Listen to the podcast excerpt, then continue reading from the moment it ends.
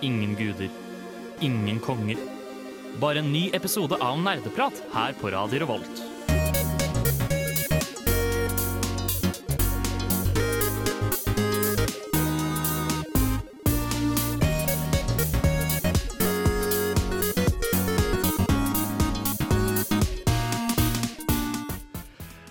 Og hallo alle sammen, og velkommen tilbake til en ny episode med Nerdprat. Vi er tilbake her igjen. Vi står nok en gang i studio, og vi skal snakke om spill. Mer spesifikt skal vi i dag snakke om 3D-plattformere. Hva er det? Det kommer vi tilbake til. Men uh, først så kan jeg intro vi, kan, eh, vi kan introdusere oss selv. Uh, jeg er Håkon, jeg er programleder som vanlig, og vi har med oss på teknikk. Bård. Tai. Og Tor Magnus. ja, ikke alle er på teknikk, det er bare Bård. Um, men vi har også med oss Tai og Tor Magnus. Eh, hyggelig å ha dere med, selv om dere er med som regel. og tusen takk, Håkon. Veldig hyggelig. Takk for at du er med. Ja, eh, vær så god. Det Ja. ble veldig rart. Eh, jeg, tror, jeg tror vi bare skal gå videre. Eh, vi skal snakke om hva vi har gjort siden sist, men vi skal høre litt musikk først. Vi skal høre Take It or Leave It av Hedda May. Vi skal nå høre fra en mann som er veldig langt unna hva han syns om programmet Nerdeprat på Radio Revolt. Nerdeprat er veldig gøy! Vi snakker om nerdeting og dataspill! Sånt liker jeg! Da skal vi høre hva vi har gjort siden sist, nå som vi har hørt litt musikk. Det var koselig. Vi kan starte med Tai. Ja, jeg har starta en Eller, ja. Jeg har starta en ny campaign i Bannerlord. Altså Mountain Blade Bannerlord. Altså Mountain Blade 2 Bannerlord, sorry. Ja. Eh, eh, ja. Um, det er jo fortsatt Early Access-spill. Uh, fortsatt veldig gøy, men uh, det er frustrerende liksom fucked up, da.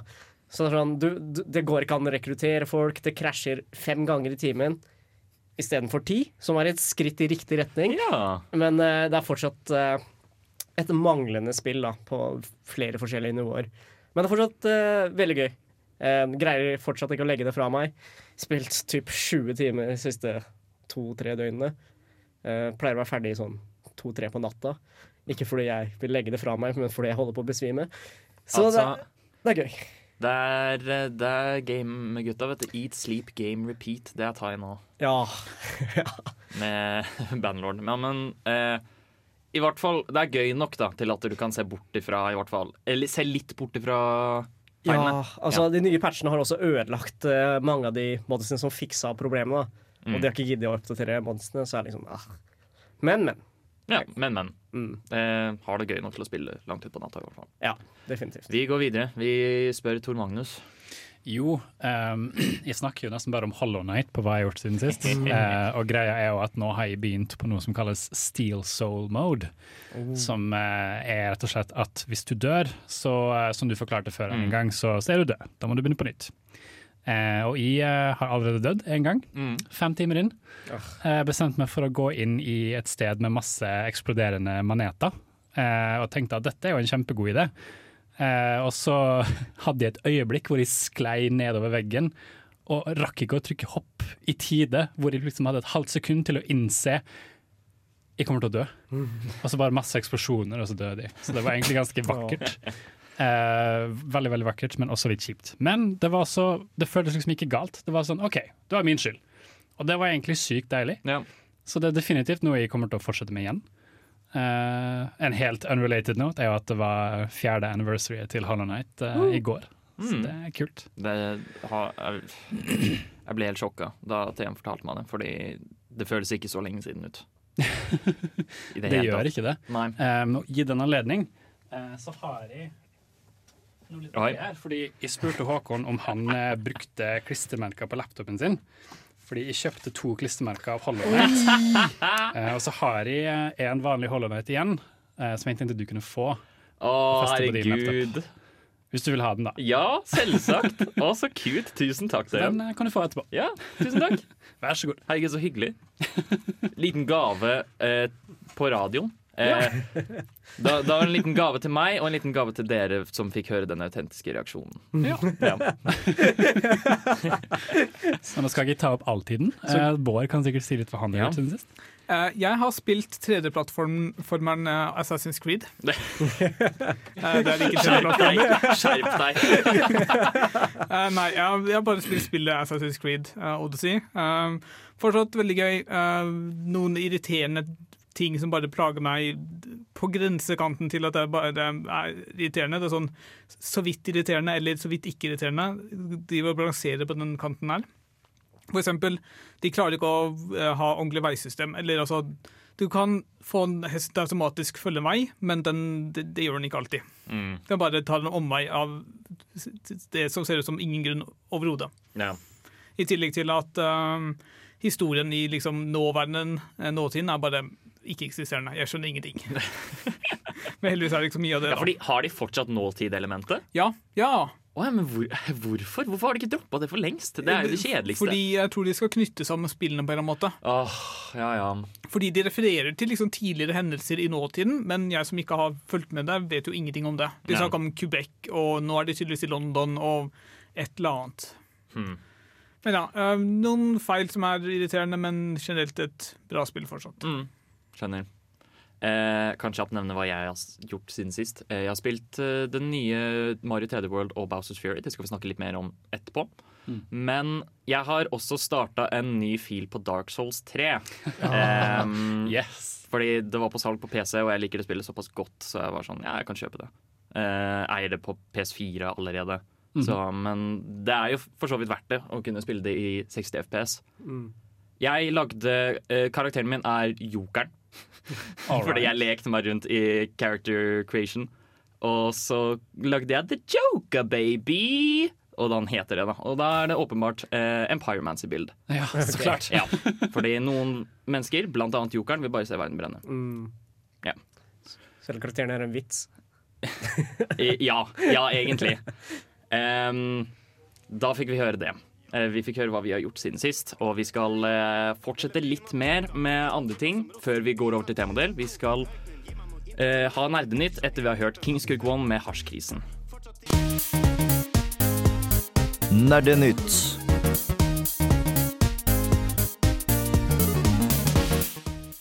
Det har skjedd noen få ting siden sist i eh, spillverdenen, kan man si. I nyhetens verden innenfor spill. Hva, hvordan skal man si det? Eh, uansett, jeg kan starte med en liten kjapp nyhet, og det er at på lørdag nå så har Pokémon 25-årsjubileum. Den største mediefranchisen i verden blir 25 år, og i den anledning så har Pokémon hatt en nedtelling på Instagram sin, hvor de har liksom telt ned um, ja, til jubileet, og så har de hatt sånn tall sånn åtte dager til, og på åtte så er det bilde av generasjon åtte-starterne, og på syv så er det bilde av generasjon syv-starterne og sånt, for å på en måte hete det, da. Men poenget er, eh, i morgen så har de en slags direct som de, også, som de annonserte for bare halvtime siden, tror jeg. At det skjer i morgen. Hvor de mest sannsynlig kommer til å vise et eller annet. da. Å nei. Tror du det er en ny generasjon? Eh, jeg er litt usikker, fordi man hadde tenkt at de skal gjøre noe for å hedre Pokémon som sjanger, liksom. K- Kanskje det er mer Pokémon Snap? Kanskje man faktisk får sett Pokémon Snap i liksom spillbarhet? Ja, det gjør meg egentlig ingenting. Fordi det, det høres bare kos ut. Men eh, ja, jeg, ja. Jeg føler egentlig du har blitt skuffa av Nintendo hver eneste gang det har vært en direkte. Ja, åpenbart. Ja, men jeg har lært at man ikke skal ha noen forventninger til dem. Nei, men altså, den, den forrige, den før nå, var vel ganske bra. Det var, var det ikke da Hollow Night ble sluppet sånn på dagen? Jo, jo, jo det stemmer. Eh, den, var, den var grei, ja. Jeg husker ikke så mye annet enn at Hollow Night ble sluppet på dagen, egentlig. Men det er sånn eh, ja, Dette året her så har jo både Zelda og Metroid også 35-årsjubileum, så man forventer jo egentlig at de skal vise litt kjærlighet til dem òg. Men Pokémon er den størstselgende, bestselgende mediefranchisen i hele verden. Så jeg forventer egentlig at de skal liksom hedre det ganske stort. Men det er også en reell sjanse for at vi bare får generasjon 4 remake. Eller bare en ny generasjon. Ja. Altså, uansett hva vi får, liksom, så håper de bare at de har sett litt på feedbacken de har fått av Sword and Shield, og gjør det litt mer ordentlig denne gangen. Ja. Fordi jeg vil ikke ha en, en Sword and Shield-versjon av generasjon 4. Da, da blir jeg veldig lei meg. Det er jeg for så vidt enig i. Eh, vi kan gå videre til noen andre nyheter. Bård? Ja, eh, den siste uken så har det blitt eh, Først ble det postet på Reddit, hvor jeg oppdager det, og så ble det plukket av, opp av noen andre nyhetssteder. det som har skjedd er at, eller For å ta den lange historien. Google har en tjeneste som heter Stadia. Ja. For de som ikke har hørt om det, det er en strømmetjeneste for videospill. Google kjøpte også opp et utviklingsselskap. Jeg husker ikke navnet på dem. Eh, De lagde et eh, spill som heter Journey to the Savage Planet. eller noe sånt. Five of Five Studios. Uh, nei, det er, det er utgiverne. Var det utgiverne? Ja. Ah, okay. Stemmer. Uh, det, det, det, fordi det blir relevant senere. Uansett, uh, dagen det spillet ble lagt ut på Stadia, så fikk uh, utviklingsstudio sparken. Og nå i senere tid så har det dukket opp en feil i hovedmenyen som gjør at spillet ikke kan spilles overhodet. Så det var en Reddit-bruker som tok kontakt med Google og spurte kan dere være så snill fikse det. Og Google sier ja, ta, ta kontakt med uh, utgiveren. Som, var, uh, som de mente da var 505 Studio eller noe sånt. Men det stemmer ikke, fordi Stadia-utgaven er gitt ut av Google selv. Så Google ber dem om å gå til Google selv og bare prøver å peke bort fra seg selv, men, mens de egentlig ikke kan gjøre det. Det er så jævlig sleipt. Det er, eh, nå viser det seg at eh, Google har tatt litt mer ansvar etter hvert. da. Jeg tror det kom en kommentar i samme tråden eller i en annen tråd som bare ja, vi, vi jobber med saken, men det sier ikke så veldig mye når det er Google, egentlig. Nei.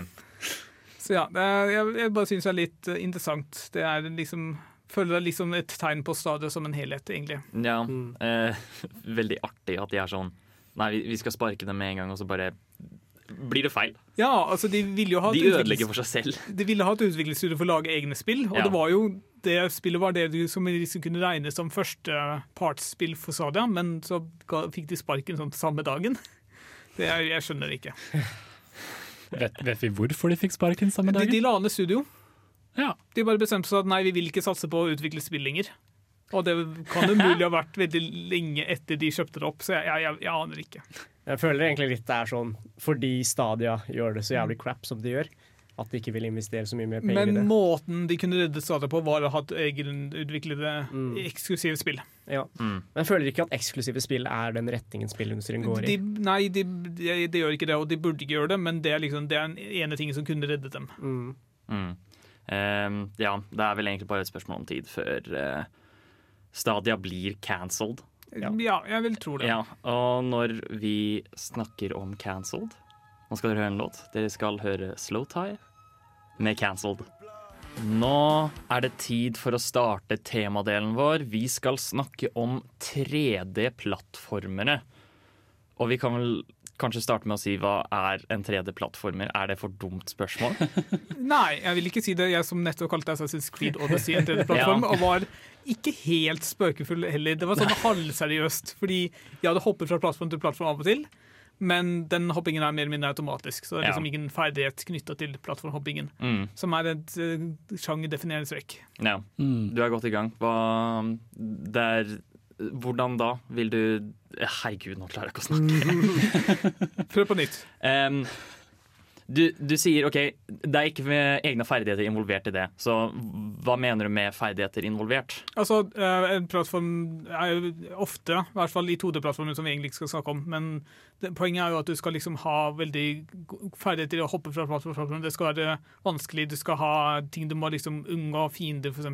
Kanskje du må Mm. hoppe på for å eh, skade eller drepe. Um, gjerne f.eks. Mario har jo sånn trippelhopp og alt mulig sånt, så du kan planlegge for å gjøre det ting mye raskere, f.eks. Mm. Alt mulig sånt. Det At, at det er ferdighet knytta til liksom bevegelsen, ofte. Mm.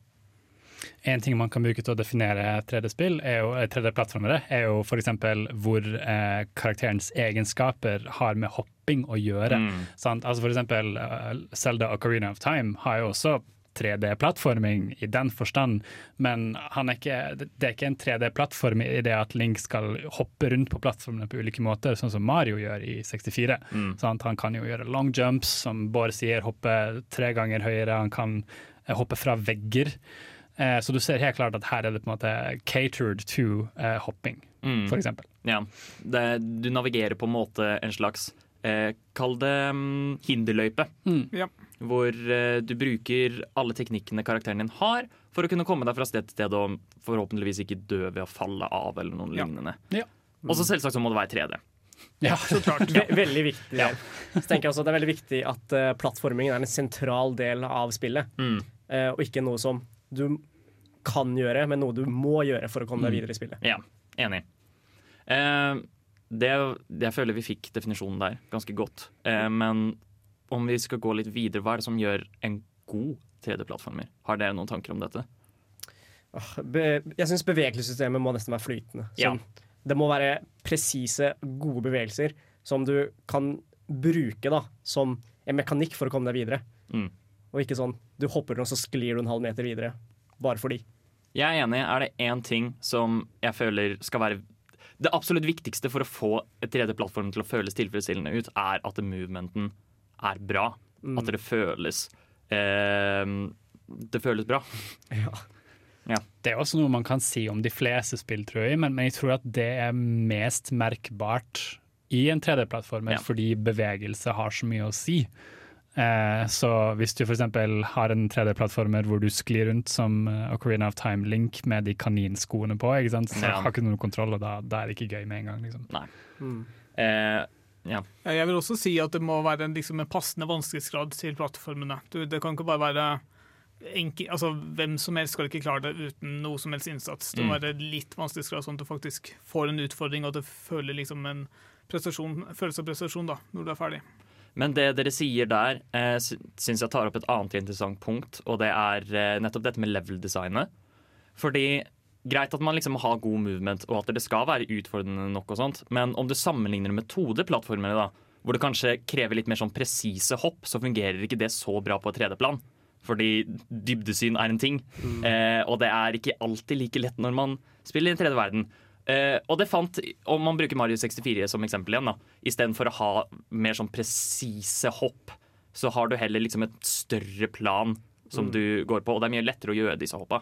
Ja, og så vil jeg også si du ofte har mer fleksibilitet i bevegelsene dine. For Ja. eksempel Banu Kazooie har liksom utallige ekstra ting du kan låse opp for å bevege deg på andre måter. Mm, Og Mario har liksom flertalls forskjellige hopp som mange 2D-plattformer da ikke har. mm. Disse hoppa gjør det jo også mulig å få eh, samle objekter og sånt ut av rekkefølge. Ja. Som igjen skaper et ganske bra level design. Samtidig så har de også fellestrekk blant 2D- og 3D-plattformere, hvor eh, for å øke vanskelighetsgraden så kan du gjøre plattformene mindre. Eh, og kanskje lenger unna hverandre med ting imellom som du må unngå. og sånne ting. Og det ser du jo i eh, Super Mario 64, i Clock Tower f.eks. Ja. Eh, der er det jo død hvis du hopper feil, Tik- si. Eh, TikTok Clock. TikTok Clock er jo nettopp eh, en, den, Jeg tror den siste verden i spillet. Nei, det er Rainbow Ride, men det er samme filosofi der. Og det er at Vi gjør plattformene mindre, og det gjør spillet vanskeligere. Det er derfor det er liksom de siste nivåene. Så ja. Eh, jeg liker 3D-plattformen veldig godt. Eh, og det er i hvert fall noen av de trekka vi kommer til å snakke om i dag, da når vi tar fram de gode eksemplene av 3D-plattformere. Og vi skal snakke mer om 3D-plattformere, selvsagt. Eh, men før vi går inn på de kule spillene, så skal vi snakke litt om historien. Etter vi har hørt Easy to Say av Guilty Garden. Oberst, jeg prøver å snike meg forbi vaktene, men lyden av min rumpeblafreng distraherer dem fra å lytte på nerdeprat. Det stemmer. Du lytter fortsatt til Nerdeprat, og vi snakker fortsatt om 3D-plattformspill. Og vi skal nå snakke litt om, ja, kall det historien, da, til eh, de 3D-plattformspillene. Er det noen som vet noe som helst om dette her? Hva liksom greia? Jeg, jeg er ganske sikker på Super Mario 64 var det første. Eh, nei, det er det faktisk ikke. det er mye omtalt som det første, Ja. som er grunnen til at jeg trodde det. Det er definitivt det som revolusjonerte Ja, sjangeren. det det si. Det, det var nok ikke det første, men det var nok med å sette standarden som veldig mange spillselskap da fulgte eh, en masse, kan du si. Ja. Um, fun fact, uh, jeg kan ikke så mye om disse spillene, og jeg skal ikke snakke så mye om det, men visste dere at det, det første 3D-plattformspillet kom ut i 1983? Oi, tidlig. Det er eh, Konamis Antarctic Adventure og Segas Kongo Bongo, som begge har isometrisk perspektiv. Altså en, det er en slags visuell framstilling av 3D-objekter, men på et 2D-plan. Mm. Mm. sånn, Beste måten å formulere det på. Ovenfra og ned skrått Ja. fra siden. Så dette var det første 3D-plattformerspillet. Men det kom ut eh, flere siden, og det starta rundt 1995 og 1996, hovedsakelig 1996, fordi vi skal snakke om Mario 64, som revolusjonerte sjangeren. Mario tok hoppet fra 2D til 3D, hvor um... Sorry. Det var så dum. Hei, Unnskyld. Unnskyld. jeg gjør mitt beste, OK? Det vi må gå i. Nei, det fortsett. Um, uansett, han tok hoppet fra 2D til 3D, akkurat som jeg nevnte. De bare forsto at OK, nå må vi ha et litt sånn annen måte å gjøre det på. Vi lager disse store lekeplassene som Mario kan uh, leke seg på, framfor å ha bare liksom nivå til nivå.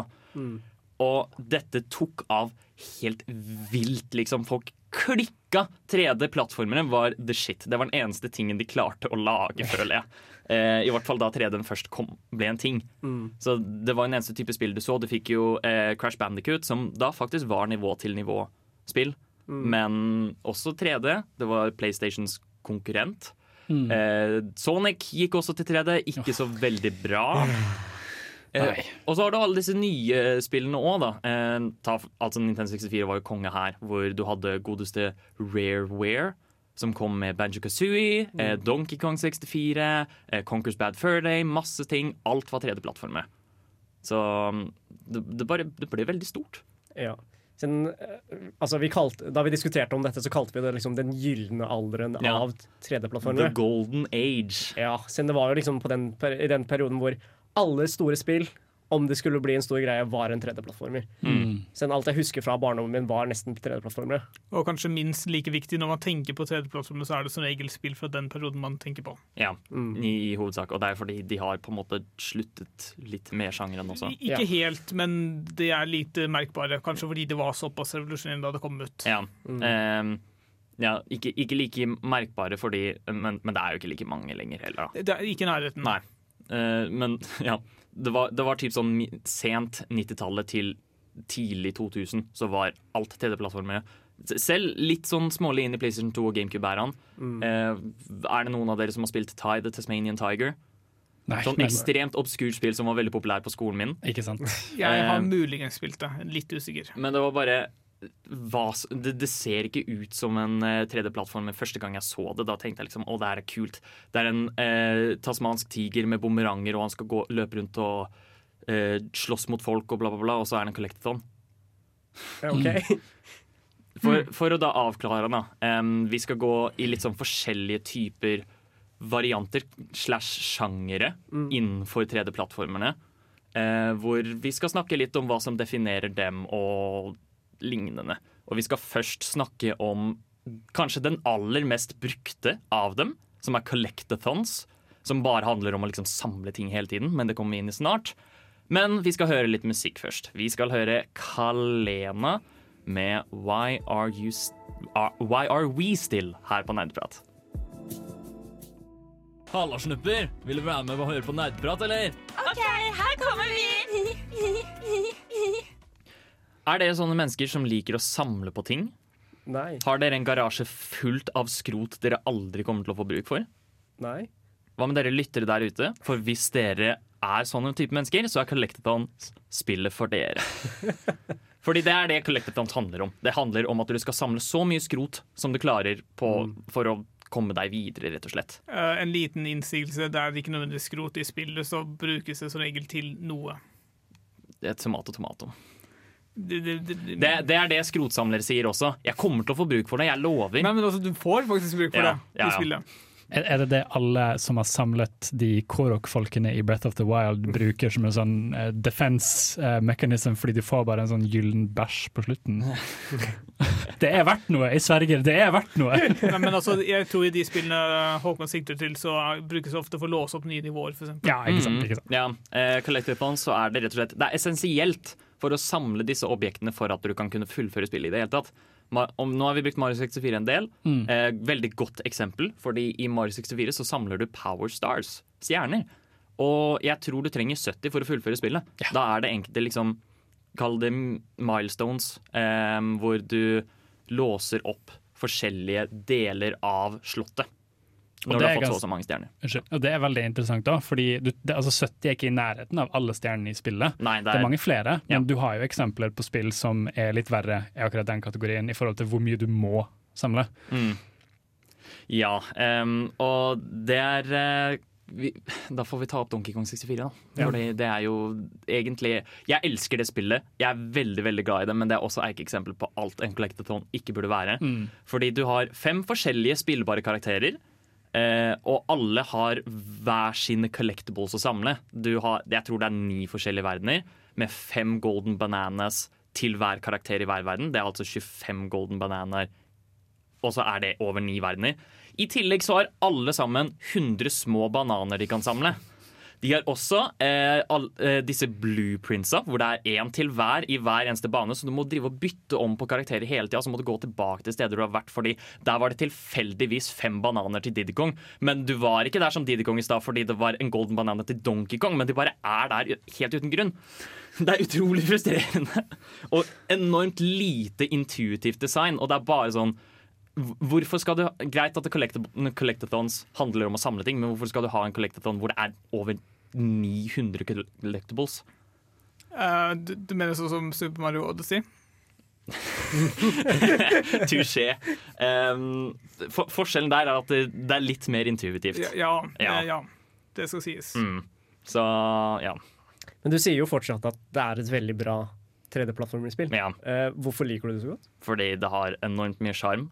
Og selv, selv om alle samleelementene er veldig lite intuitive, så er det også ganske godt level-design. Mm. I hvert fall mye av det. der er et par ekstremt forferdelige oppdrag. Eh, Hvor mye må du samle for å faktisk fullføre spillet sånn helt vanlig?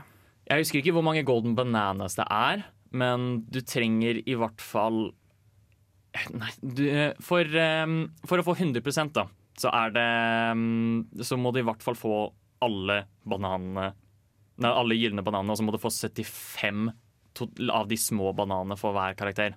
Okay. På alle verdenene. Men jeg er usikker på tallet for hvor mange gylne bananer du trenger for å fullføre spillet.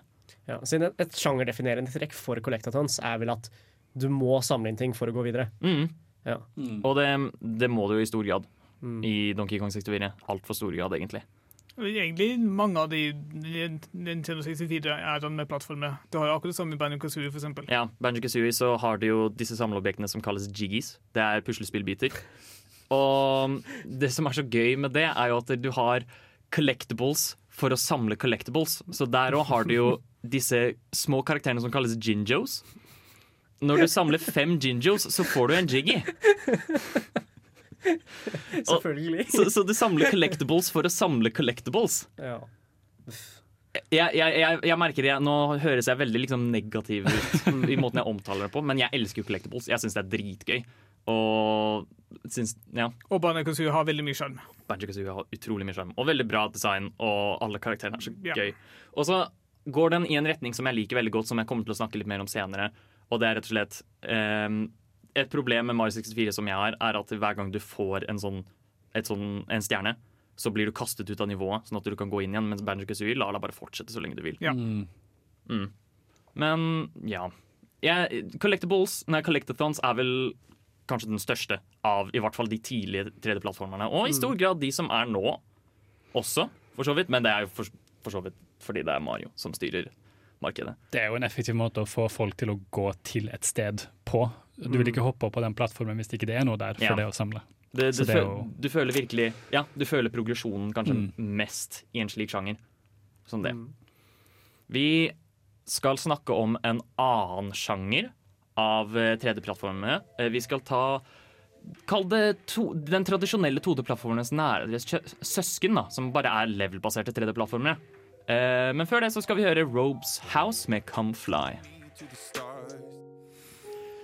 Level-baserte 3D-plattformere er det neste vi skal snakke om nå. Eh, det sier seg selv lite grann i hvordan vi har valgt å definere dette. At dette er 3D-plattformere hvor du går fra nivå til nivå.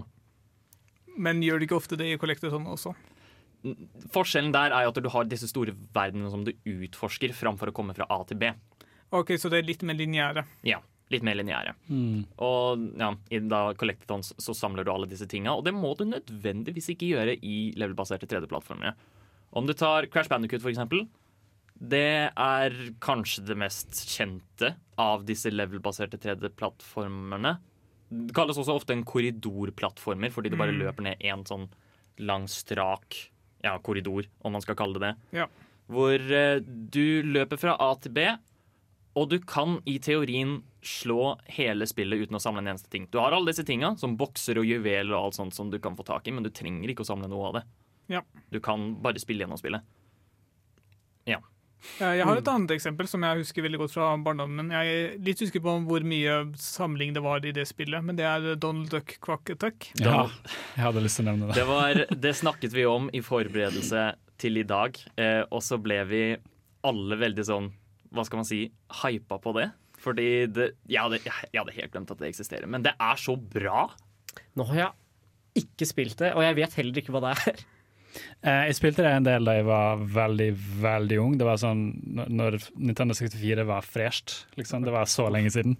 Eh, Det var før jeg hadde hår på ballene. Eh, Da husker jeg veldig tydelig at eh, jeg sprang eh, imot Ja. Ja, Kan vi fortsette? ja fortsett.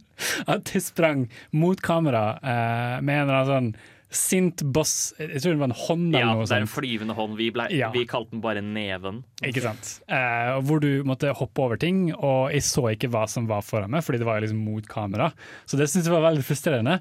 Ja, Eh, for eh, Quack Attack er vel for så vidt også en korridorplattform, om man kan kalle det det. Det Ja. bare lekte litt mer med perspektiv enn det Crash Bandicoot har gjort. Mm. Um, og det kan være en av de store, større problemene til slike typer plattformer. Det er dybdesyn. Ja. Som nevnte kort i stad. og det er at det, Med det perspektivet du er gitt, så er det utrolig vanskelig å kunne vite hvor du kommer til å lande. Der vil jeg ta opp Crash Bandicoot 4, faktisk. Fordi de gjorde én endring som er så bra for den type spill. Og det er rett og slett at de la til en gul sirkel under Crash når han er i lufta. Så du kan se hvor han kommer til å lande. Og det er så bra. Ja, kan vi også bare eh, snakke om hatet, i hvert fall mitt, for det å løpe mot kamera i liksom alle mulige tilfeller. Jeg skjønner det, er, Jeg skjønner det. ja, det, det, altså, det er bare så fryktelig irriterende. Det, det er det, sant? fordi plutselig så bare detter du ned i et hull som du ikke så. Ikke sant? Hvordan skulle jeg sett det? Det var- jo ikke noen måte å se det på. Ja. Så jeg skjønner det veldig godt. Bare. Eneste måten å kunne klare det med, er bare å pugge nivået. Og, ja, jeg kan gjøre det, men det er ikke noe gøy. Det er ikke noe givende spill. Ingen som liker å pugge mønstre til bossfights og sånn. ikke sant? Hallo. Nei, nei, nei. ja, men altså, altså, det er Preaching ting. to the choir. Det er, det er fortsatt noe annet enn det å pugge en spesifikk bane, og at du må gå til høyre rett etter vannet, f.eks. Ja. Ja, det er det. Jeg tror vi alle liker å pugge bossmønstre, egentlig. Ja, Ja. sånn egentlig. Men for å sammenligne det med 2D-plattformen, som er kanskje den næreste sammenligningen vi har, så syns jeg, selv om dybdesyn ofte er et problem, så syns jeg at de fleste sånne typer plattformer er ganske kule. Og tar eh, egentlig veldig mange av de samme elementene til 2D-plattforming og bare ja, utvider det. Utvider på det. Hvis du skjønner hva jeg mener? Skjønner, men jeg tror jeg er litt uenig, i hvert fall. Ja. For Jeg tror ikke jeg var så stor fan av de som, som du er. Jeg vet jo at du elsker Crash Bandicoot og sånn. Ja. Uh. Ja, jeg er fan av begge deler, men jeg, altså Igjen, nettopp det med dybdesyn gjør at 2D-plattform Det er jo veldig mye det samme. Crash Bandicoot er enten en korridor framover, eller så er det en korridor til siden, som Mm. regel. Det er liksom ikke så veldig mye variasjon. Så 2D-plattform er da litt enklere å forholde seg til. Mm. Jeg for min del liker ikke 3D-plattforming av samme grunn som jeg ikke liker å spille Dark Souls. Det er jævlig frustrerende. Ja, men eh, OK, så nå har jeg, nå har jeg sånn der Stjernen er en halv meter unna trynet mitt, og så må jeg allikevel bruke 40 forsøk på å komme meg opp dit. Det bare suger livet ut av meg. Eh, jeg tror eh, jeg skal da avslutte dette stikket her ved å si akkurat det samme som jeg ville gjort hvis for folk som spiller Dark Souls. Ah, good. Jeg visste den skulle komme. Ja. Vi skal snakke om en mer spesifikk eh, 3D level-basert plattformer, eller ja, på en måte. Eh, etter vi har hørt Tribulation med Funeral Pyre. Du får en remake, og du får en remake, og du får en remake. Alle får en remake. Vi skal snakke om en remake nå, faktisk. Eh, eller kanskje ikke remake, da, men en re-release. Vi skal eh, snakke om Mario 3D World, som nylig kom ut på Switch. Eller nei, vi skal egentlig ikke det. Eh, det er feil å si. Fordi vi skal snakke om denne nye re-releasen, men vi skal snakke om utvidelsen som ble lagt til i Switch-versjonen, som heter Bowsers Fury. Og jeg har da laget en liten anmeldelse om det, så den skal vi høre nå. Radio Revolt. Mario er tilbake igjen. Eller ja, på, på en måte. Sånn halvveis. Et av spillene hans er i hvert fall tilbake igjen, da Super Mario 3D World ble sluppet ut på Switch for knappe to uker siden. Men det er ikke det vi skal snakke om nå. Veldig bra spill, og jeg anbefaler alle å spille gjennom det. Men det folk ikke klarer å fjerne søkelyset sitt fra nå, er selvsagt utvidelsen de har lagt til i 3D World, altså Bowsers Fury. For selv om det bare er en kort liten DLC, så er det så absolutt verdt å snakke om. Fordi Bowsers Fury viser nok en gang at Mario er kongen, og gir oss et blikk i hva som kan være fremtiden av 3D-plattforming. Bowsers Fury tar sted på First Step Island, som er et stort arkipel hvor alt er katter. Fiendene er katter, selv måkene har katteører, og til og med bakken har pels og ikke gress. Artig søtt. Gameplay-messig så er det helt likt gameplay som 3D World, men dette er selvsagt ikke en dårlig ting, og du kan også bli en katt selv nok en gang, akkurat som i originalen. Den store forskjellen på dette og 3D World er at det er ingen klare verdener eller nivåer. Det er bare denne ene store samlingen av øyer, hvor det er spredt rundt det som kalles catshines, som er dette spillets type samleobjekt, og de er spredt overalt. Jeg vet at alle i hele verden har sagt dette om denne utvidelsen, men det føles virkelig ut som Mario Odyssey-DLC-en vi aldri fikk, da hele spillet føles som en stor verden revet rett ut fra det spillet. Likevel føles Bowsers Fury ut som sin helt egen greie, med sin helt egen identitet, og mye av grunnen til det ligger i navnet på selve utvidelsen. Bowsers tøffe monsteraktige utseende har endelig fått oppgraderingen han fortjener, da han i dette spillet har blitt større, slemmere og mer sinna enn noen gang. Han er Godzilla nå, og han skal fuckings drepe deg. Og dette er en stor del av det som gjør Bowsers Fury så interessant. For ved jevnlig mellomrom så våkner Bowser opp fra den svarte tjæra som omfavner arkipelet. Verdenen rundt deg blir helt svart, og Armageddon utløses. Det regner meteoritter, og han skyter ild over hele banen, og han jakter deg ned fordi han er lei. Og jeg elsker det. Aldri før har jeg følt meg så stressa i et Mario-spill som når han er på vei. Det var flere ganger hvor jeg var midt i en litt vanskelig plattformingssekvens, og det startet å regne, og det ga meg helt packeren, for jeg visste at om jeg ikke var effektiv nå, så kom jeg til å bli fucked fordi Bowser er på vei. Det er ikke bare helt håpløst, heldigvis, da, for du jager Bowser vekk for hver catch-on du får mens han er ute. Men det er likevel også strategi involvert i når du skal jage han vekk, og ikke. Da det er forskjellige blokker som kun Bowser kan ødelegge, og disse kan inneholde catch-ons, de også. Gameplay er altså en slags blanding hvor du bytter fram og tilbake mellom en rolig, chill og søt overworld og en intens actionfylt gjemsellek hvor du kjemper for harde livet for å overleve. Og det er så kult! Du bruker mesteparten av tiden av spillet til å unngå Bowser, men av og til låses en giga kattebjelle opp. Denne får Mario til å vokse på størrelsen til Bowser, og han blir en Super Saiyan-katt som gir deg muligheten til å banke opp den dumme skilpadden. Dette er veldig gøy. Kaiju-kamper er jo kult, særlig når du ser hvor liten verden du har navigert hele tiden nå har blitt. Men selve kampen er over litt for fort, syns jeg. Greit at det er flere av dem, og Bowser blir mer og mer kompleks å slåss mot for hver kamp dere har. Men det at han er så lett, fjerner litt av omfen ved at han nå er så skummel. Men dette er helt ærlig bare en liten nitpick, for det er jo åpenbart ikke det som er hovedfokuset til spillet. Det er jo selvsagt plattformingen. Jeg føler hver gang jeg snakker om Mario, så klarer jeg ikke å slutte å snakke om det gode level-designet.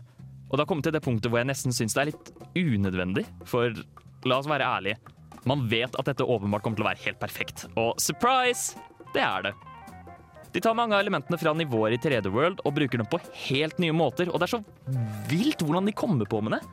Dette spillet er seriøst bare flesk, ikke noe fett, og i tradisjonell Mario-stil går det alltid videre til nye ideer konstant. Hver shine føles unik, og det er så utrolig godt laget. Movement er smooth, det nye inventory-systemet åpner for fleksible fremgangsmåter, og Katte-Mario er fortsatt utrolig gøy å kontrollere. Og en annen ting som er så kult, som om verdenen og level-designet ikke var variert og kreativt nok, så endrer tidligere områder seg etter hver kamp du har med Bowser. De får da nye områder å utforske, nye fiender og ikke minst nye shines, som gir deg en grunn til å utforske steder du allerede har vært på nytt. Gameplay er med andre ord helt knall. En ting som mange kan tenke seg er en ulempe, er at denne utvidelsen er ganske kort, og det tok meg omtrent fire timer å samle alle catchinesa. Det gir jo mening, da det er 3D World som på mange måter er hovedattraksjonen i denne samlingen. Jeg syns derimot ikke at det er et problem at den er så kort, for jeg syns det hadde helt perfekt lengde, helt ærlig. Da jeg fullførte spillet og fikk alle catchinesa, så var jeg tilfredsstilt. Spillet var ikke for langt, men det var heller ikke over med en gang, for som jeg nevnte, så hadde spillet en veldig stor verden å utforske, og det er jam-packed med skitt å gjøre. Det at det er så kort, gir det også veldig mye mer replay-verdi, da det er så lett å hoppe inn igjen. Til slutt så ble jo dette satt på som litt ekstra sideinnhold til 3D World, et spill som alene er utrolig bra. Og jeg tror at dette på mange måter bare er et sideprosjekt for Nintendo, og kanskje er et hint til noe stort på horisonten. Og det tar meg egentlig til konklusjonen, som er at Bowsers Fury er virkelig fremtiden av Mario-spill, og kanskje til og med 3D-plattformer som sjanger. Den tar de generelle elementene fra Mario Odyssey ved at du har en stor, men lett tilgjengelig verden, med mange samleobjekter å samle, uten alle de overflødige månedene som var i Odyssey. Level design er åpenbart på kvaliteten man forventer av Mario, og Bowser selv kommer som en utrolig god mix-up på det vanlige gameplayet. Så dette er uten tvil en utrolig god deal, og anbefaler det på det sterkeste. Det er virkelig et kjærlighetsbrev til alle Mario-fans, selv om jeg sier om alle Mario-spill. Men jeg mener det denne gangen også.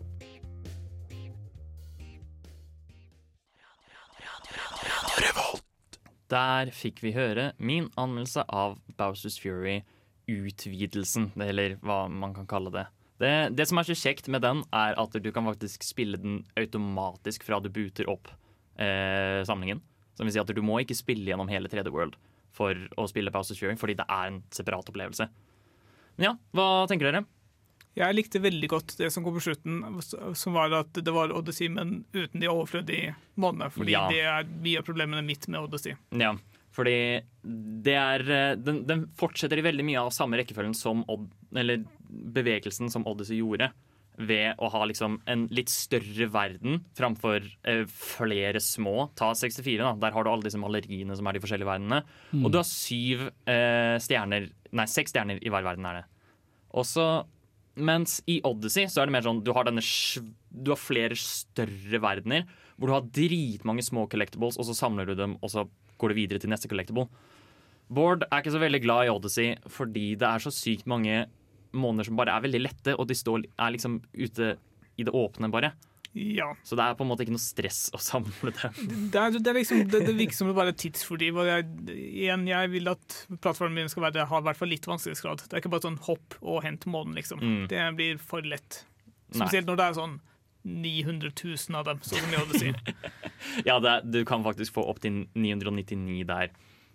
Men det er ikke tilfellet i Bowsers Fury, fordi der er det sånn Du har alle disse forskjellige områdene hvor du kan få typ sånn, ja, la oss si opptil fire catshines i hver. Men alle har, ja, kall det en slags oppdragsstruktur til seg. Så det, det er nesten, kall det nesten miniatyrnivåer fra 3D World, men med fritt kamera og i en åpen verden. Det er den beste måten å beskrive det på. Det høres bra ut. Mm. Hvor mange catchpoints er det? Eh, Jeg har ikke sam... Eller jeg husker ikke, helt ærlig. Men du trenger i hvert fall 50 for å fullføre spillet. Mm. Så, og de tvinger deg nærmest til å fullføre spillet før du kan samle alle sammen. Ja. Og det, det synes jeg var vondt. Det er eh, en 100% verste mareritt når du må fullføre spillet før du får lov til å få alt. Mm. Altså, jeg for min del har fått sansen for Bowser, skal jeg til å si. Mm. Jeg, synes, jeg, jeg har likt ham mye mer som karakter, mer og mer, eh, for hvert Mario-spill som har kommet. Ja, Og så jeg syns det er dritkult at de faktisk gjør noe stort med Bowser nå. Da. Ja, fordi det er sånn Greit at Bowser han er en veldig sjarmerende karakter. Han er ja, han, han har utrolig god personlighet, og Bowser er nesten alltid det morsomste av alle spill han er med i. I hvert fall personlighetsmessig. Men han er på en måte litt Han har blitt kanskje litt smålig stale, da. Og det, det er en av de tingene jeg liker så utrolig godt med dette spillet her, fordi de gjør noe helt nytt med han, og han er på ekte skummel nå, liksom. Det var helt grusomt skummelt. Han har jo fått en makeover siden Super Mario Sunshine, eh, kan man si. Hvor Mm. han satt i eh, badstue, og, eller boblebad, og bare koste seg med sin eh, sønn. Mm. Eh, hvor han var mer sånn, hva skal jeg si, eh, funny dad. Ja. Eh, mens nå er han tydeligvis mye mer sinna. ja. Og det syns jeg er en ganske kul retning òg, må si enig i den. Eh, Så det, det er en uh, progresjon jeg liker. ja. Vil se mer av det her. For det er, eh, altså måten, det er ikke så mye historie involvert. Det er rett og slett bare ok, Bowser han er så sinna nå at det, har gått for langt. Og derfor har han blitt sånn her. Ja, er det en referanse til Odyssey i det spillet? Nei, det er ikke det. Ja. Eh, men det er jo fordi det er en helt standalone experience. Ja.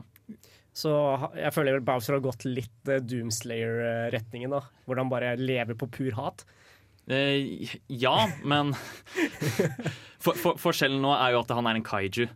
Han har blitt en kaiju. Ja, han har blitt en kaiju. Han, han, han er jo eh, på størrelsen til Godzilla, liksom.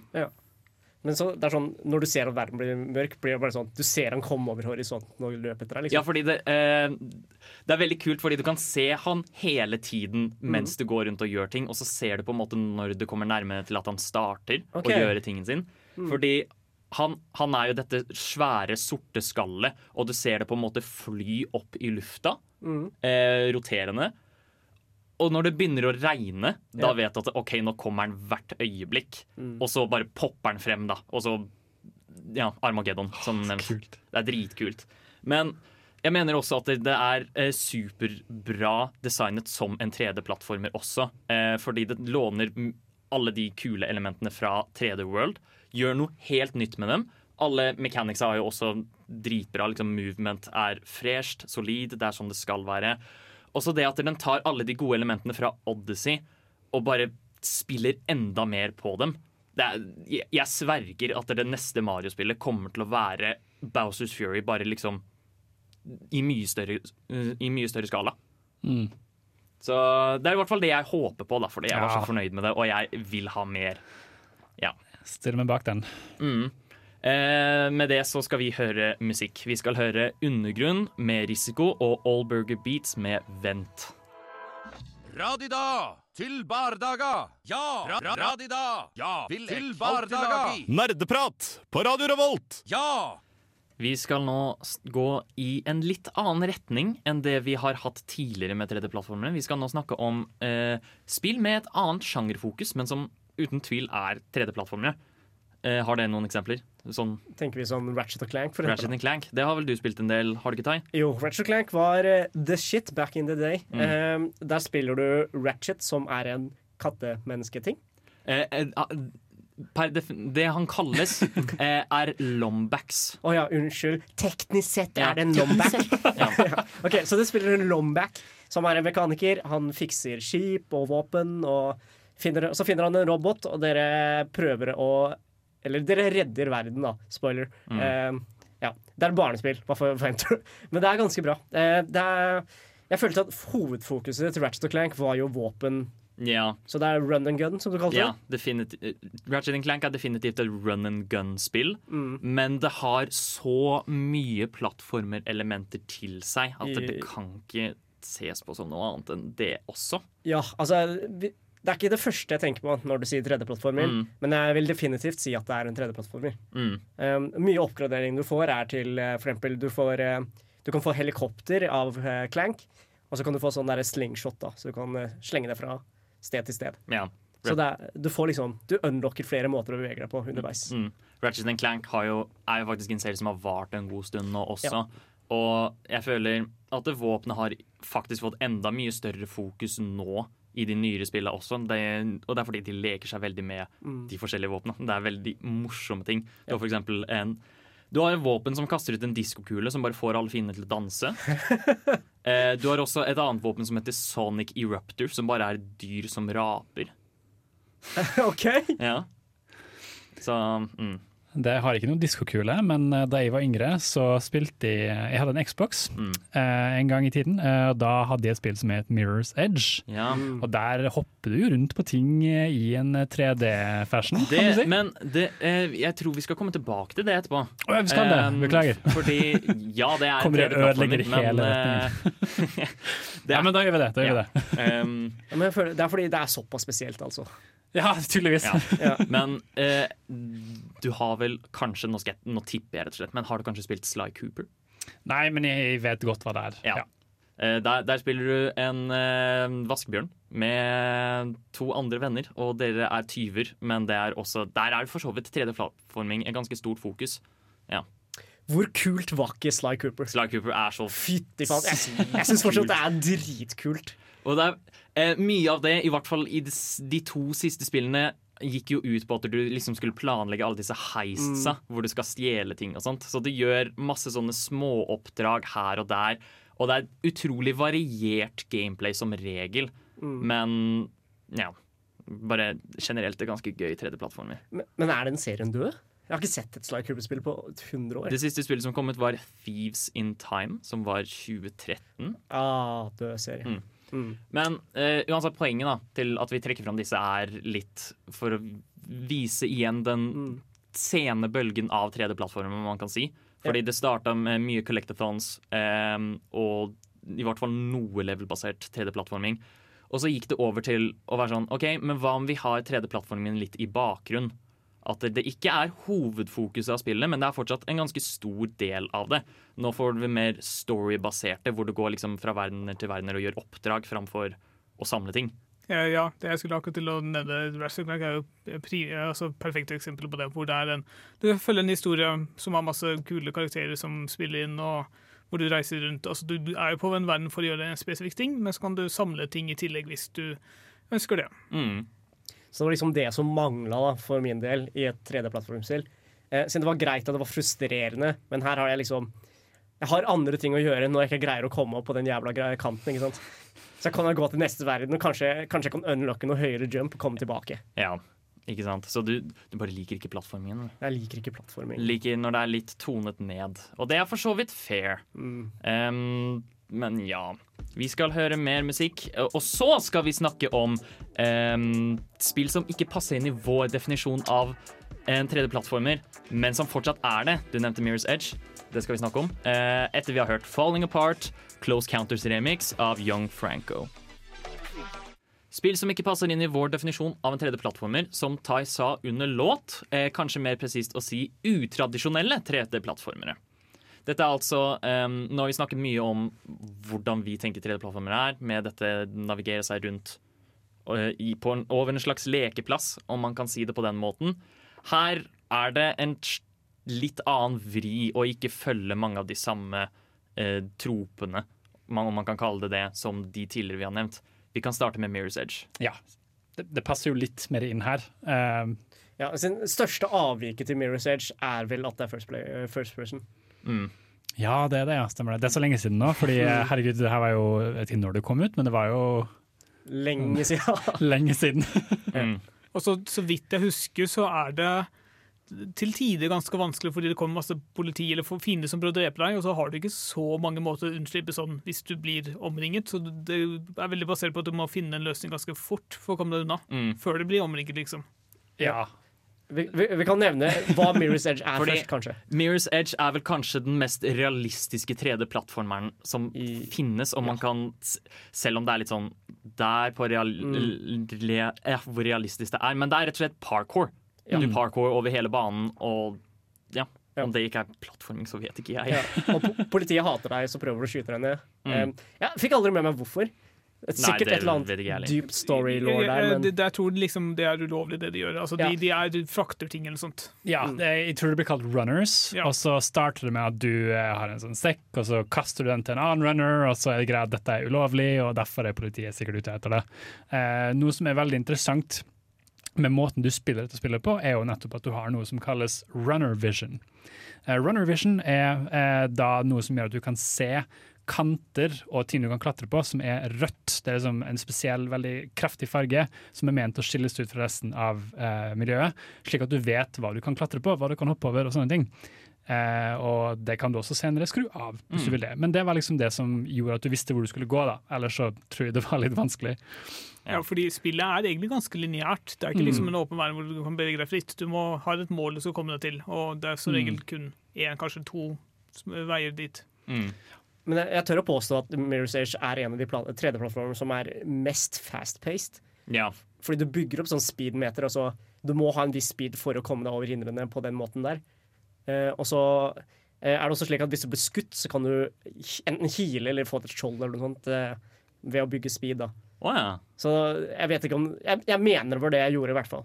Mm. Det begynner å bli en del år siden. Du løper så fort at kulene bare liksom forsvinner bak. Er liksom tatt av vinden. Ja. jeg, jeg husker ikke helt hvordan det funka, men eh, speed var i hvert fall veldig, veldig viktig. Og Mm. det gjør liksom Det pluss et veldig eh, flytende bevegelsessystem syns jeg gjorde spillet veldig, veldig bra. Da. Mm. For det er jo det som i prinsippet gjør Mirror's Edge til en 3D-plattformer. Mm. At du bruker eh, ja, plassen rundt deg, du bruker området for å komme deg framover og Mm. nå målet ditt. Ja, sånn litt relatert så kan jeg også nevne Ghost Runner, som kom ut i sent i fjor, eller noe sånt, som Mm. er veldig likt Mirror's Edge, bare at du har en katana og skal drepe finne du, eller folk du, før du går videre. Ja. Som da er ja, veldig mye av det samme. Du løper på vegger og hopper og ja, Mm. dreper dem. Så er det veldig viktig å nevne også Vi snakker om Mirror's Edge 1, da. Mirror's Ja. Edge 2 var litt annerledes. Jeg visste ikke at det fantes en toer. eh, nei, i toeren det var litt mer combat og sånt. Ok, Ja. ja. Eh, kan også nevne, Har noen av dere spilt Prince of Persia? Mm. ja. Ja. Eh, fordi der òg er det vel også tunge plattformelementer, i hvert fall sånn hvor du klatrer på ting og du svinger deg mellom ting og lignende, men det er i hovedsak ganske sånn combat-spill. Mm. Ja.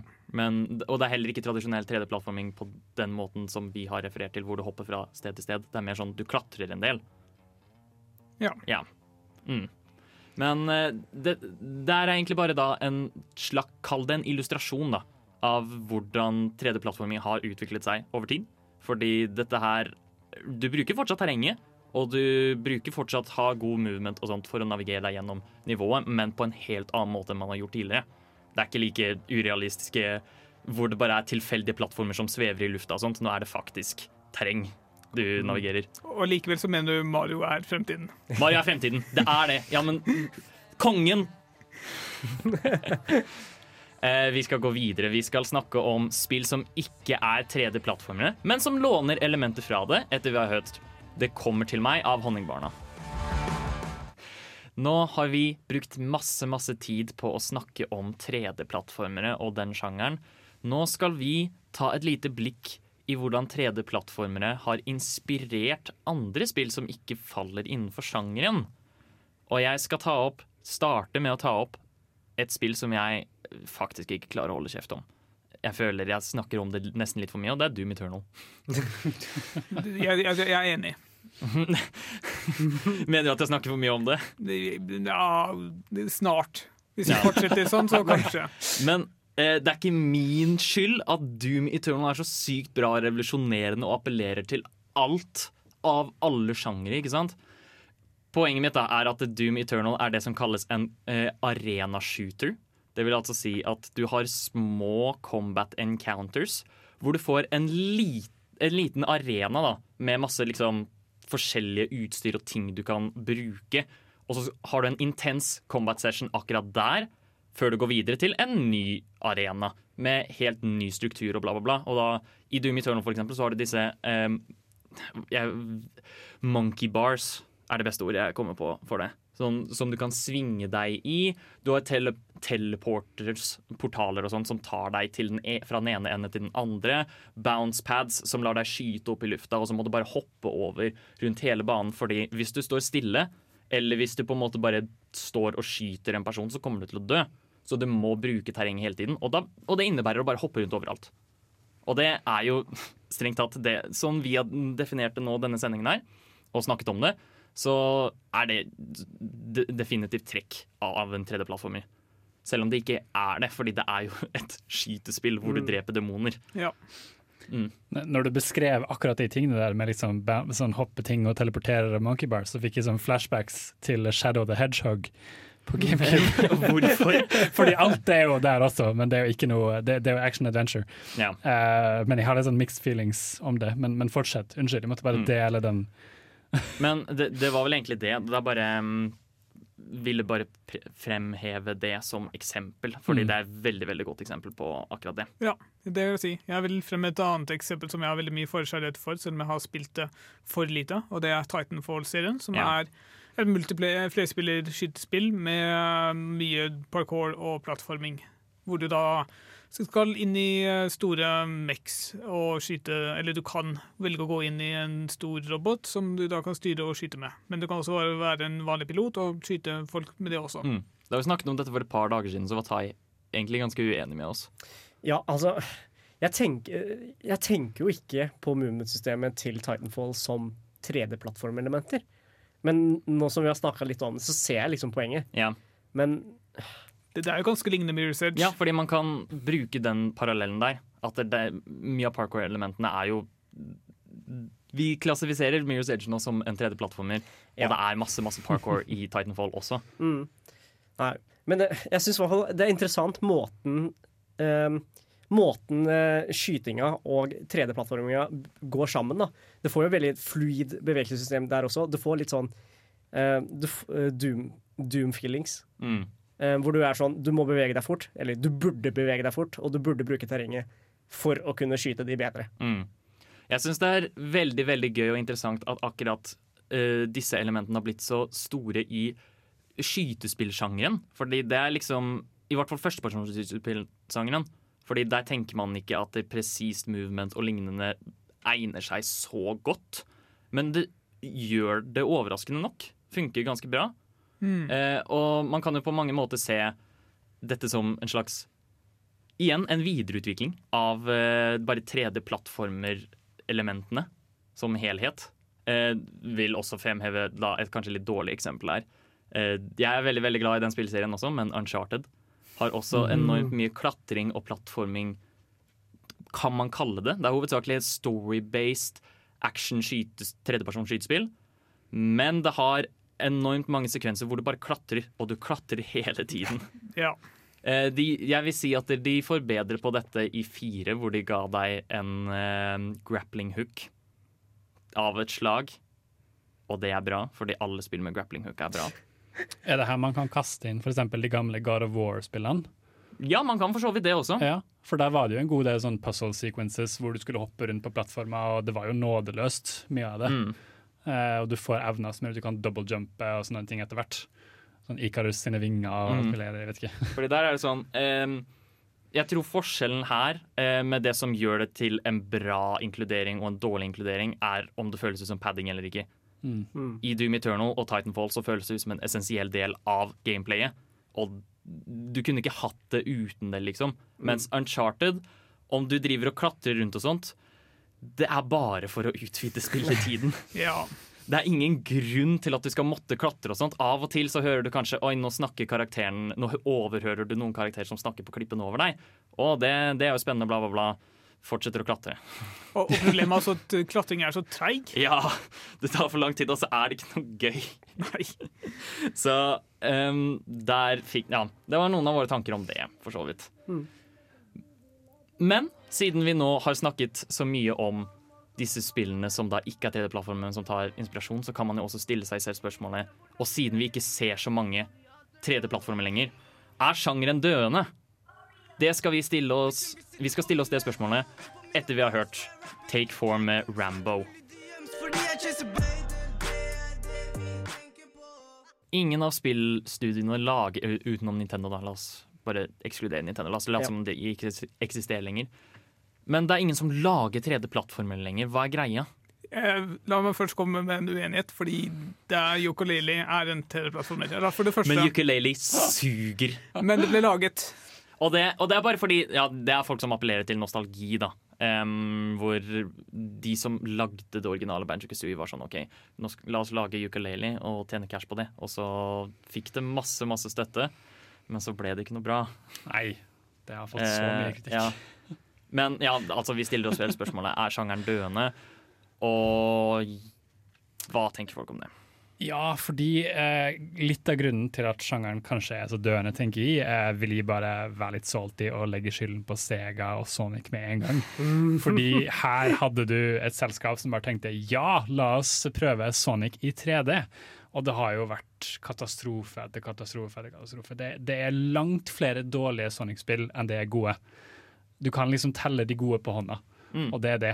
Eh, og, og det har liksom ikke blitt noe bedre. Og når det ikke er noe bra, så vil ikke folk spille det. Eller så skjønner folk at kanskje ikke det er så morsomt eller ikke er noe her å hente. Mm. Men det er liksom et, et, et eksempel som vi kan tenke på, da. Sonic er et unikt eksempel, i hvert fall, fordi det er Der handler det i stor grad om å gå fort. Ja, ikke sant? Du skal, du skal være kjapp. Eh, og det er, så det er sammenlignet med de tidligere 2D Sonic-plattformerne, hvor det var typ sånn 60% plattforming og 40% gå fort, så har de nesten gjort det til 70% gå fort og 30% plattforming i de nye spillene. Jeg mener jo at det er en av grunnene til at Sonic ikke har blitt så bra. Men ja. Det kom jo et, et, nytt gammelt plattformspill for ikke så altfor lenge siden, Sparrow, eh, som jeg hadde Mm, veldig mye ja. nostalgi med. Og som jeg, jeg For jeg tenker at det kanskje Eller at de, sånne typer spill har litt mer begrenset appell, eh, eh, Altså appellerer litt mer begrenset til spillerne. Jeg, jeg merker det personlig. Hvis jeg vil ha liksom et eh, vanskelig plattformspill, så spiller jeg kanskje heller i 2D, fordi der er det veldig mye mer å velge mellom. Veldig mye indiespill som gjør det veldig bra, Celeste eksempel. Mm. Mens i 3D-plattformen blir fort en kollektorfond, og det er begrenset hvor mange av de jeg gidder. Ja. Mm. Så jeg føler at en grunn til at det har blitt mindre populært å lage 3D-plattformere, er fordi det er vanskelig å lage en god 3D-plattformer. ja. Nintendo har jo gjort dette i absolutt alle år. Det er en formel de kan, liksom. Men uh, det, det er gøy at du sier at det er en formel de kan, fordi hele stikken til Mario nå er jo at de stadig innoverer på serien og sjangeren. Men det er rett og slett fordi de er flinke til Ja. det her. ja, de er flinke til Ja, det. altså, jeg tror ikke alle studioer, eller hvilket som helst studio, kan gjenta det Nintendo har gjort. Selv om du ber dem lage samme spillet. Mm. Og så tror du det er lettere å låne ting fra andre spill til plattformspillet ditt, enn å låne plattformelementer til et annet spill. Ja, ja det, det kan jeg for så vidt si meg enig i. Jeg, eh, har, jeg er usikker på hvordan det kommer til å gå med det framover, men jeg har fortsatt håp, fordi jeg, man ser veldig at det er så mye potensial igjen. Du ser det på Mm. Mario-spillene, og så ser du ikke minst et spill vi ikke har nevnt så vel Et spill vi ikke har nevnt denne sendingen her, som jeg er stor fan av, er A Hat in Time. Som eh, fikk ganske god støtte på Kickstarter, og da det kom ut, så ble det møtt med overveldende god kritikk. Og det er fordi det er seriøst et av de beste 3D-plattformspillene jeg har spilt. Og det kom ut for ikke så lenge, det for bare et par år siden, liksom. Sånn maks to-tre år siden. Og det gir jo det gir meg litt håp, i hvert fall, da, om at der, eh, folk kanskje er litt gira på 3D-plattformen igjen, fordi de likte det veldig godt. Altså, jeg har også en litt kontroversiell take på det her. da. Grunnen til at det er så få nye 3D-plattformer, kan også være at 2D-plattformer rett og slett er bedre. Det er en debatt jeg ikke vil gå inn på. Og det er ikke fordi jeg er uenig, men det er fordi jeg vet ikke hva jeg mener om dette. Og det er, det er kanskje nok til en eh, annen sending. Ja, det er det også. Eh, så jeg tror vi heller bare skal gå videre i stedet. Vi skal høre On Sorg med Altfor bra. Når innså du at du var en gamer? Dersom du kunne spilt kun et spill i et år Hva er det eldste spillet i backloggen din? Hva har du lært fra spill som du har fått nyte av i Er det et spill som har hjulpet deg gjennom en tung periode av ditt liv? Hva er ukas spørsmål? Ukas spørsmål er for så vidt ganske rett fram, men også litt vanskelig om man tenker på det. Og det er rett og slett hvis du kunne gjort en 2D-plattformer til en 3D-plattformer i stedet, hvem hadde du valgt? Eller hvilken hadde du valgt? Er det noen som har lyst til å starte? Bård rekker opp Jeg hadde egentlig ikke noe svar før du liksom på tampen av låta sa at Fess er, eksisterer. Ja. Fordi det, jeg hadde helt glemt Fess. Jeg tror mye av vanskeligheten i FES kan forsvinne hvis det blir til plattformer, men jeg tror også det kan være Det vil være et annerledes spill som ville kunne vært kult å se. Mm. Fordi ja, Det er faktisk veldig gøy å tenke på hvordan hadde FES vært på et tredje-plan når hele spillet omhandler å skifte perspektivet hele tiden. Ja, fordi det er sånne ting er at du roterer kamera eh, Altså du skifter perspektivet på kamera, og da må du liksom stå riktig sted for å ikke dø, og Mm. for å komme deg videre da, i spillet. Mm. Som er Hvis du ikke hadde hatt den der tingen, så måtte du kanskje hoppe rundt hjørnet, for eksempel, eller gjøre noe annet. Du, du, du måtte nok gjøre om på spillet sånn at det faktisk kan fungere, men du ville kanskje hatt noe ganske vanskelig hopp og ting du bare ikke helt skjønte umiddelbart, som hadde vært kult, tror jeg. Mm. Eh, Celeste som 3D har Oi. vært dritkult. OK. Ja. Det er jo veldig Jeg liker for det første veldig godt den visuelle stilen som en 2D-plattformer. Mm. Det gjør det jo helt nydelig. Um, og så er det jo ganske Det er jo kjent som en mekanisk vanskelig nok spill på, i 2D. Å ha det i 3D tror jeg hadde vært Håkon-nivå sadistisk. Jeg har en, fordi jeg, jeg tenkte på Celeste og vurderte det, men jeg tror kanskje ikke overgangen til eh, 3D hadde vært så snill for det spillet, fordi eh, altså, tegnestilen hadde ikke klart å holde seg Nei. helt. Det fungerer i 2D, men den, det fungerer, du får ikke helt det samme i 3D.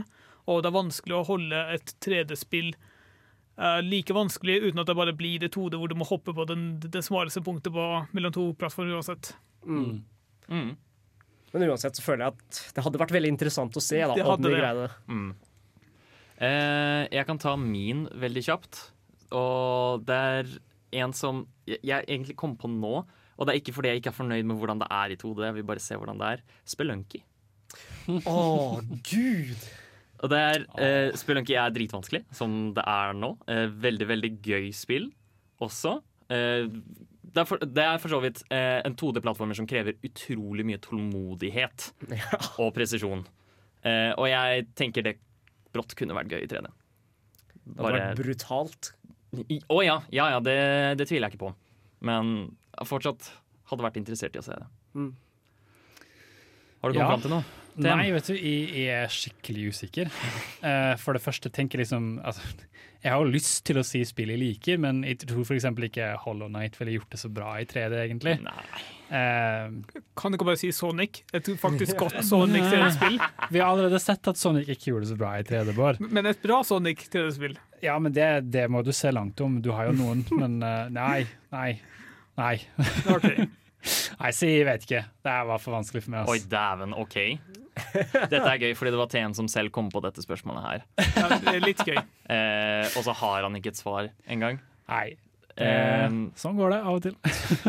så, sånn går det av og til, men da eh, stopper vi der, da. Da skal du få lov til å slippe å svare det. Men eh, vi, vi, sende, vi får sende inn disse tipsa da, til folk. Eh, nå var det bare indiespill her, så Ja. de, de vil sikkert være interessert i å lage en 3D-plattformversjon av disse spillene. Så gode ideer, gode ideer syns jeg.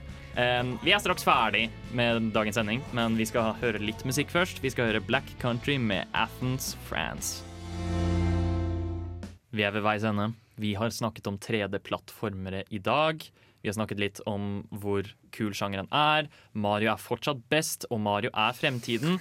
Men det er også mange andre sjangere som tar inspirasjon. Hvis du ikke har prøvd Mirror's Edge, så vær så snill gjør det. Finn det bildet på salg og og bare prøv det, fordi det er, det, det er et veldig spesielt spill som alle burde prøve. Ja, det er ikke noe tvil om. Eh, vi kom for så vidt også fram til at 3D-plattformersjangeren kanskje er døende, kanskje ikke. Nintendo kommer til å fortsatt lage det, kanskje ikke så mange Så lenge andre. Mario finnes, så kommer 3D-plattformen til å finnes. Ja, jeg, jeg, tror, jeg tror ikke Mario kan bære en sjanger noe hardere enn det det allerede gjør. Du sier noe der. Eh, neste uke så skal vi snakke om Idle Games. Og dere som lytter på og vil forberede dere til den sendinga, kan kanskje spille Cookie Clicker, fordi det kommer vi til å snakke en del om. Eh, vi skal prøve å holde eh, Thai så rusfri fra Cookie Clickeren som mulig. Takk, takk. Og med det så sier vi adjø. Her får du Logic 1000 med Like My Way. Ha det. Ha det. Du har lyttet til en podkast på Radio Revolt, studentradioen i Trondheim. Sjekk ut flere programmer på radiorevolt.no.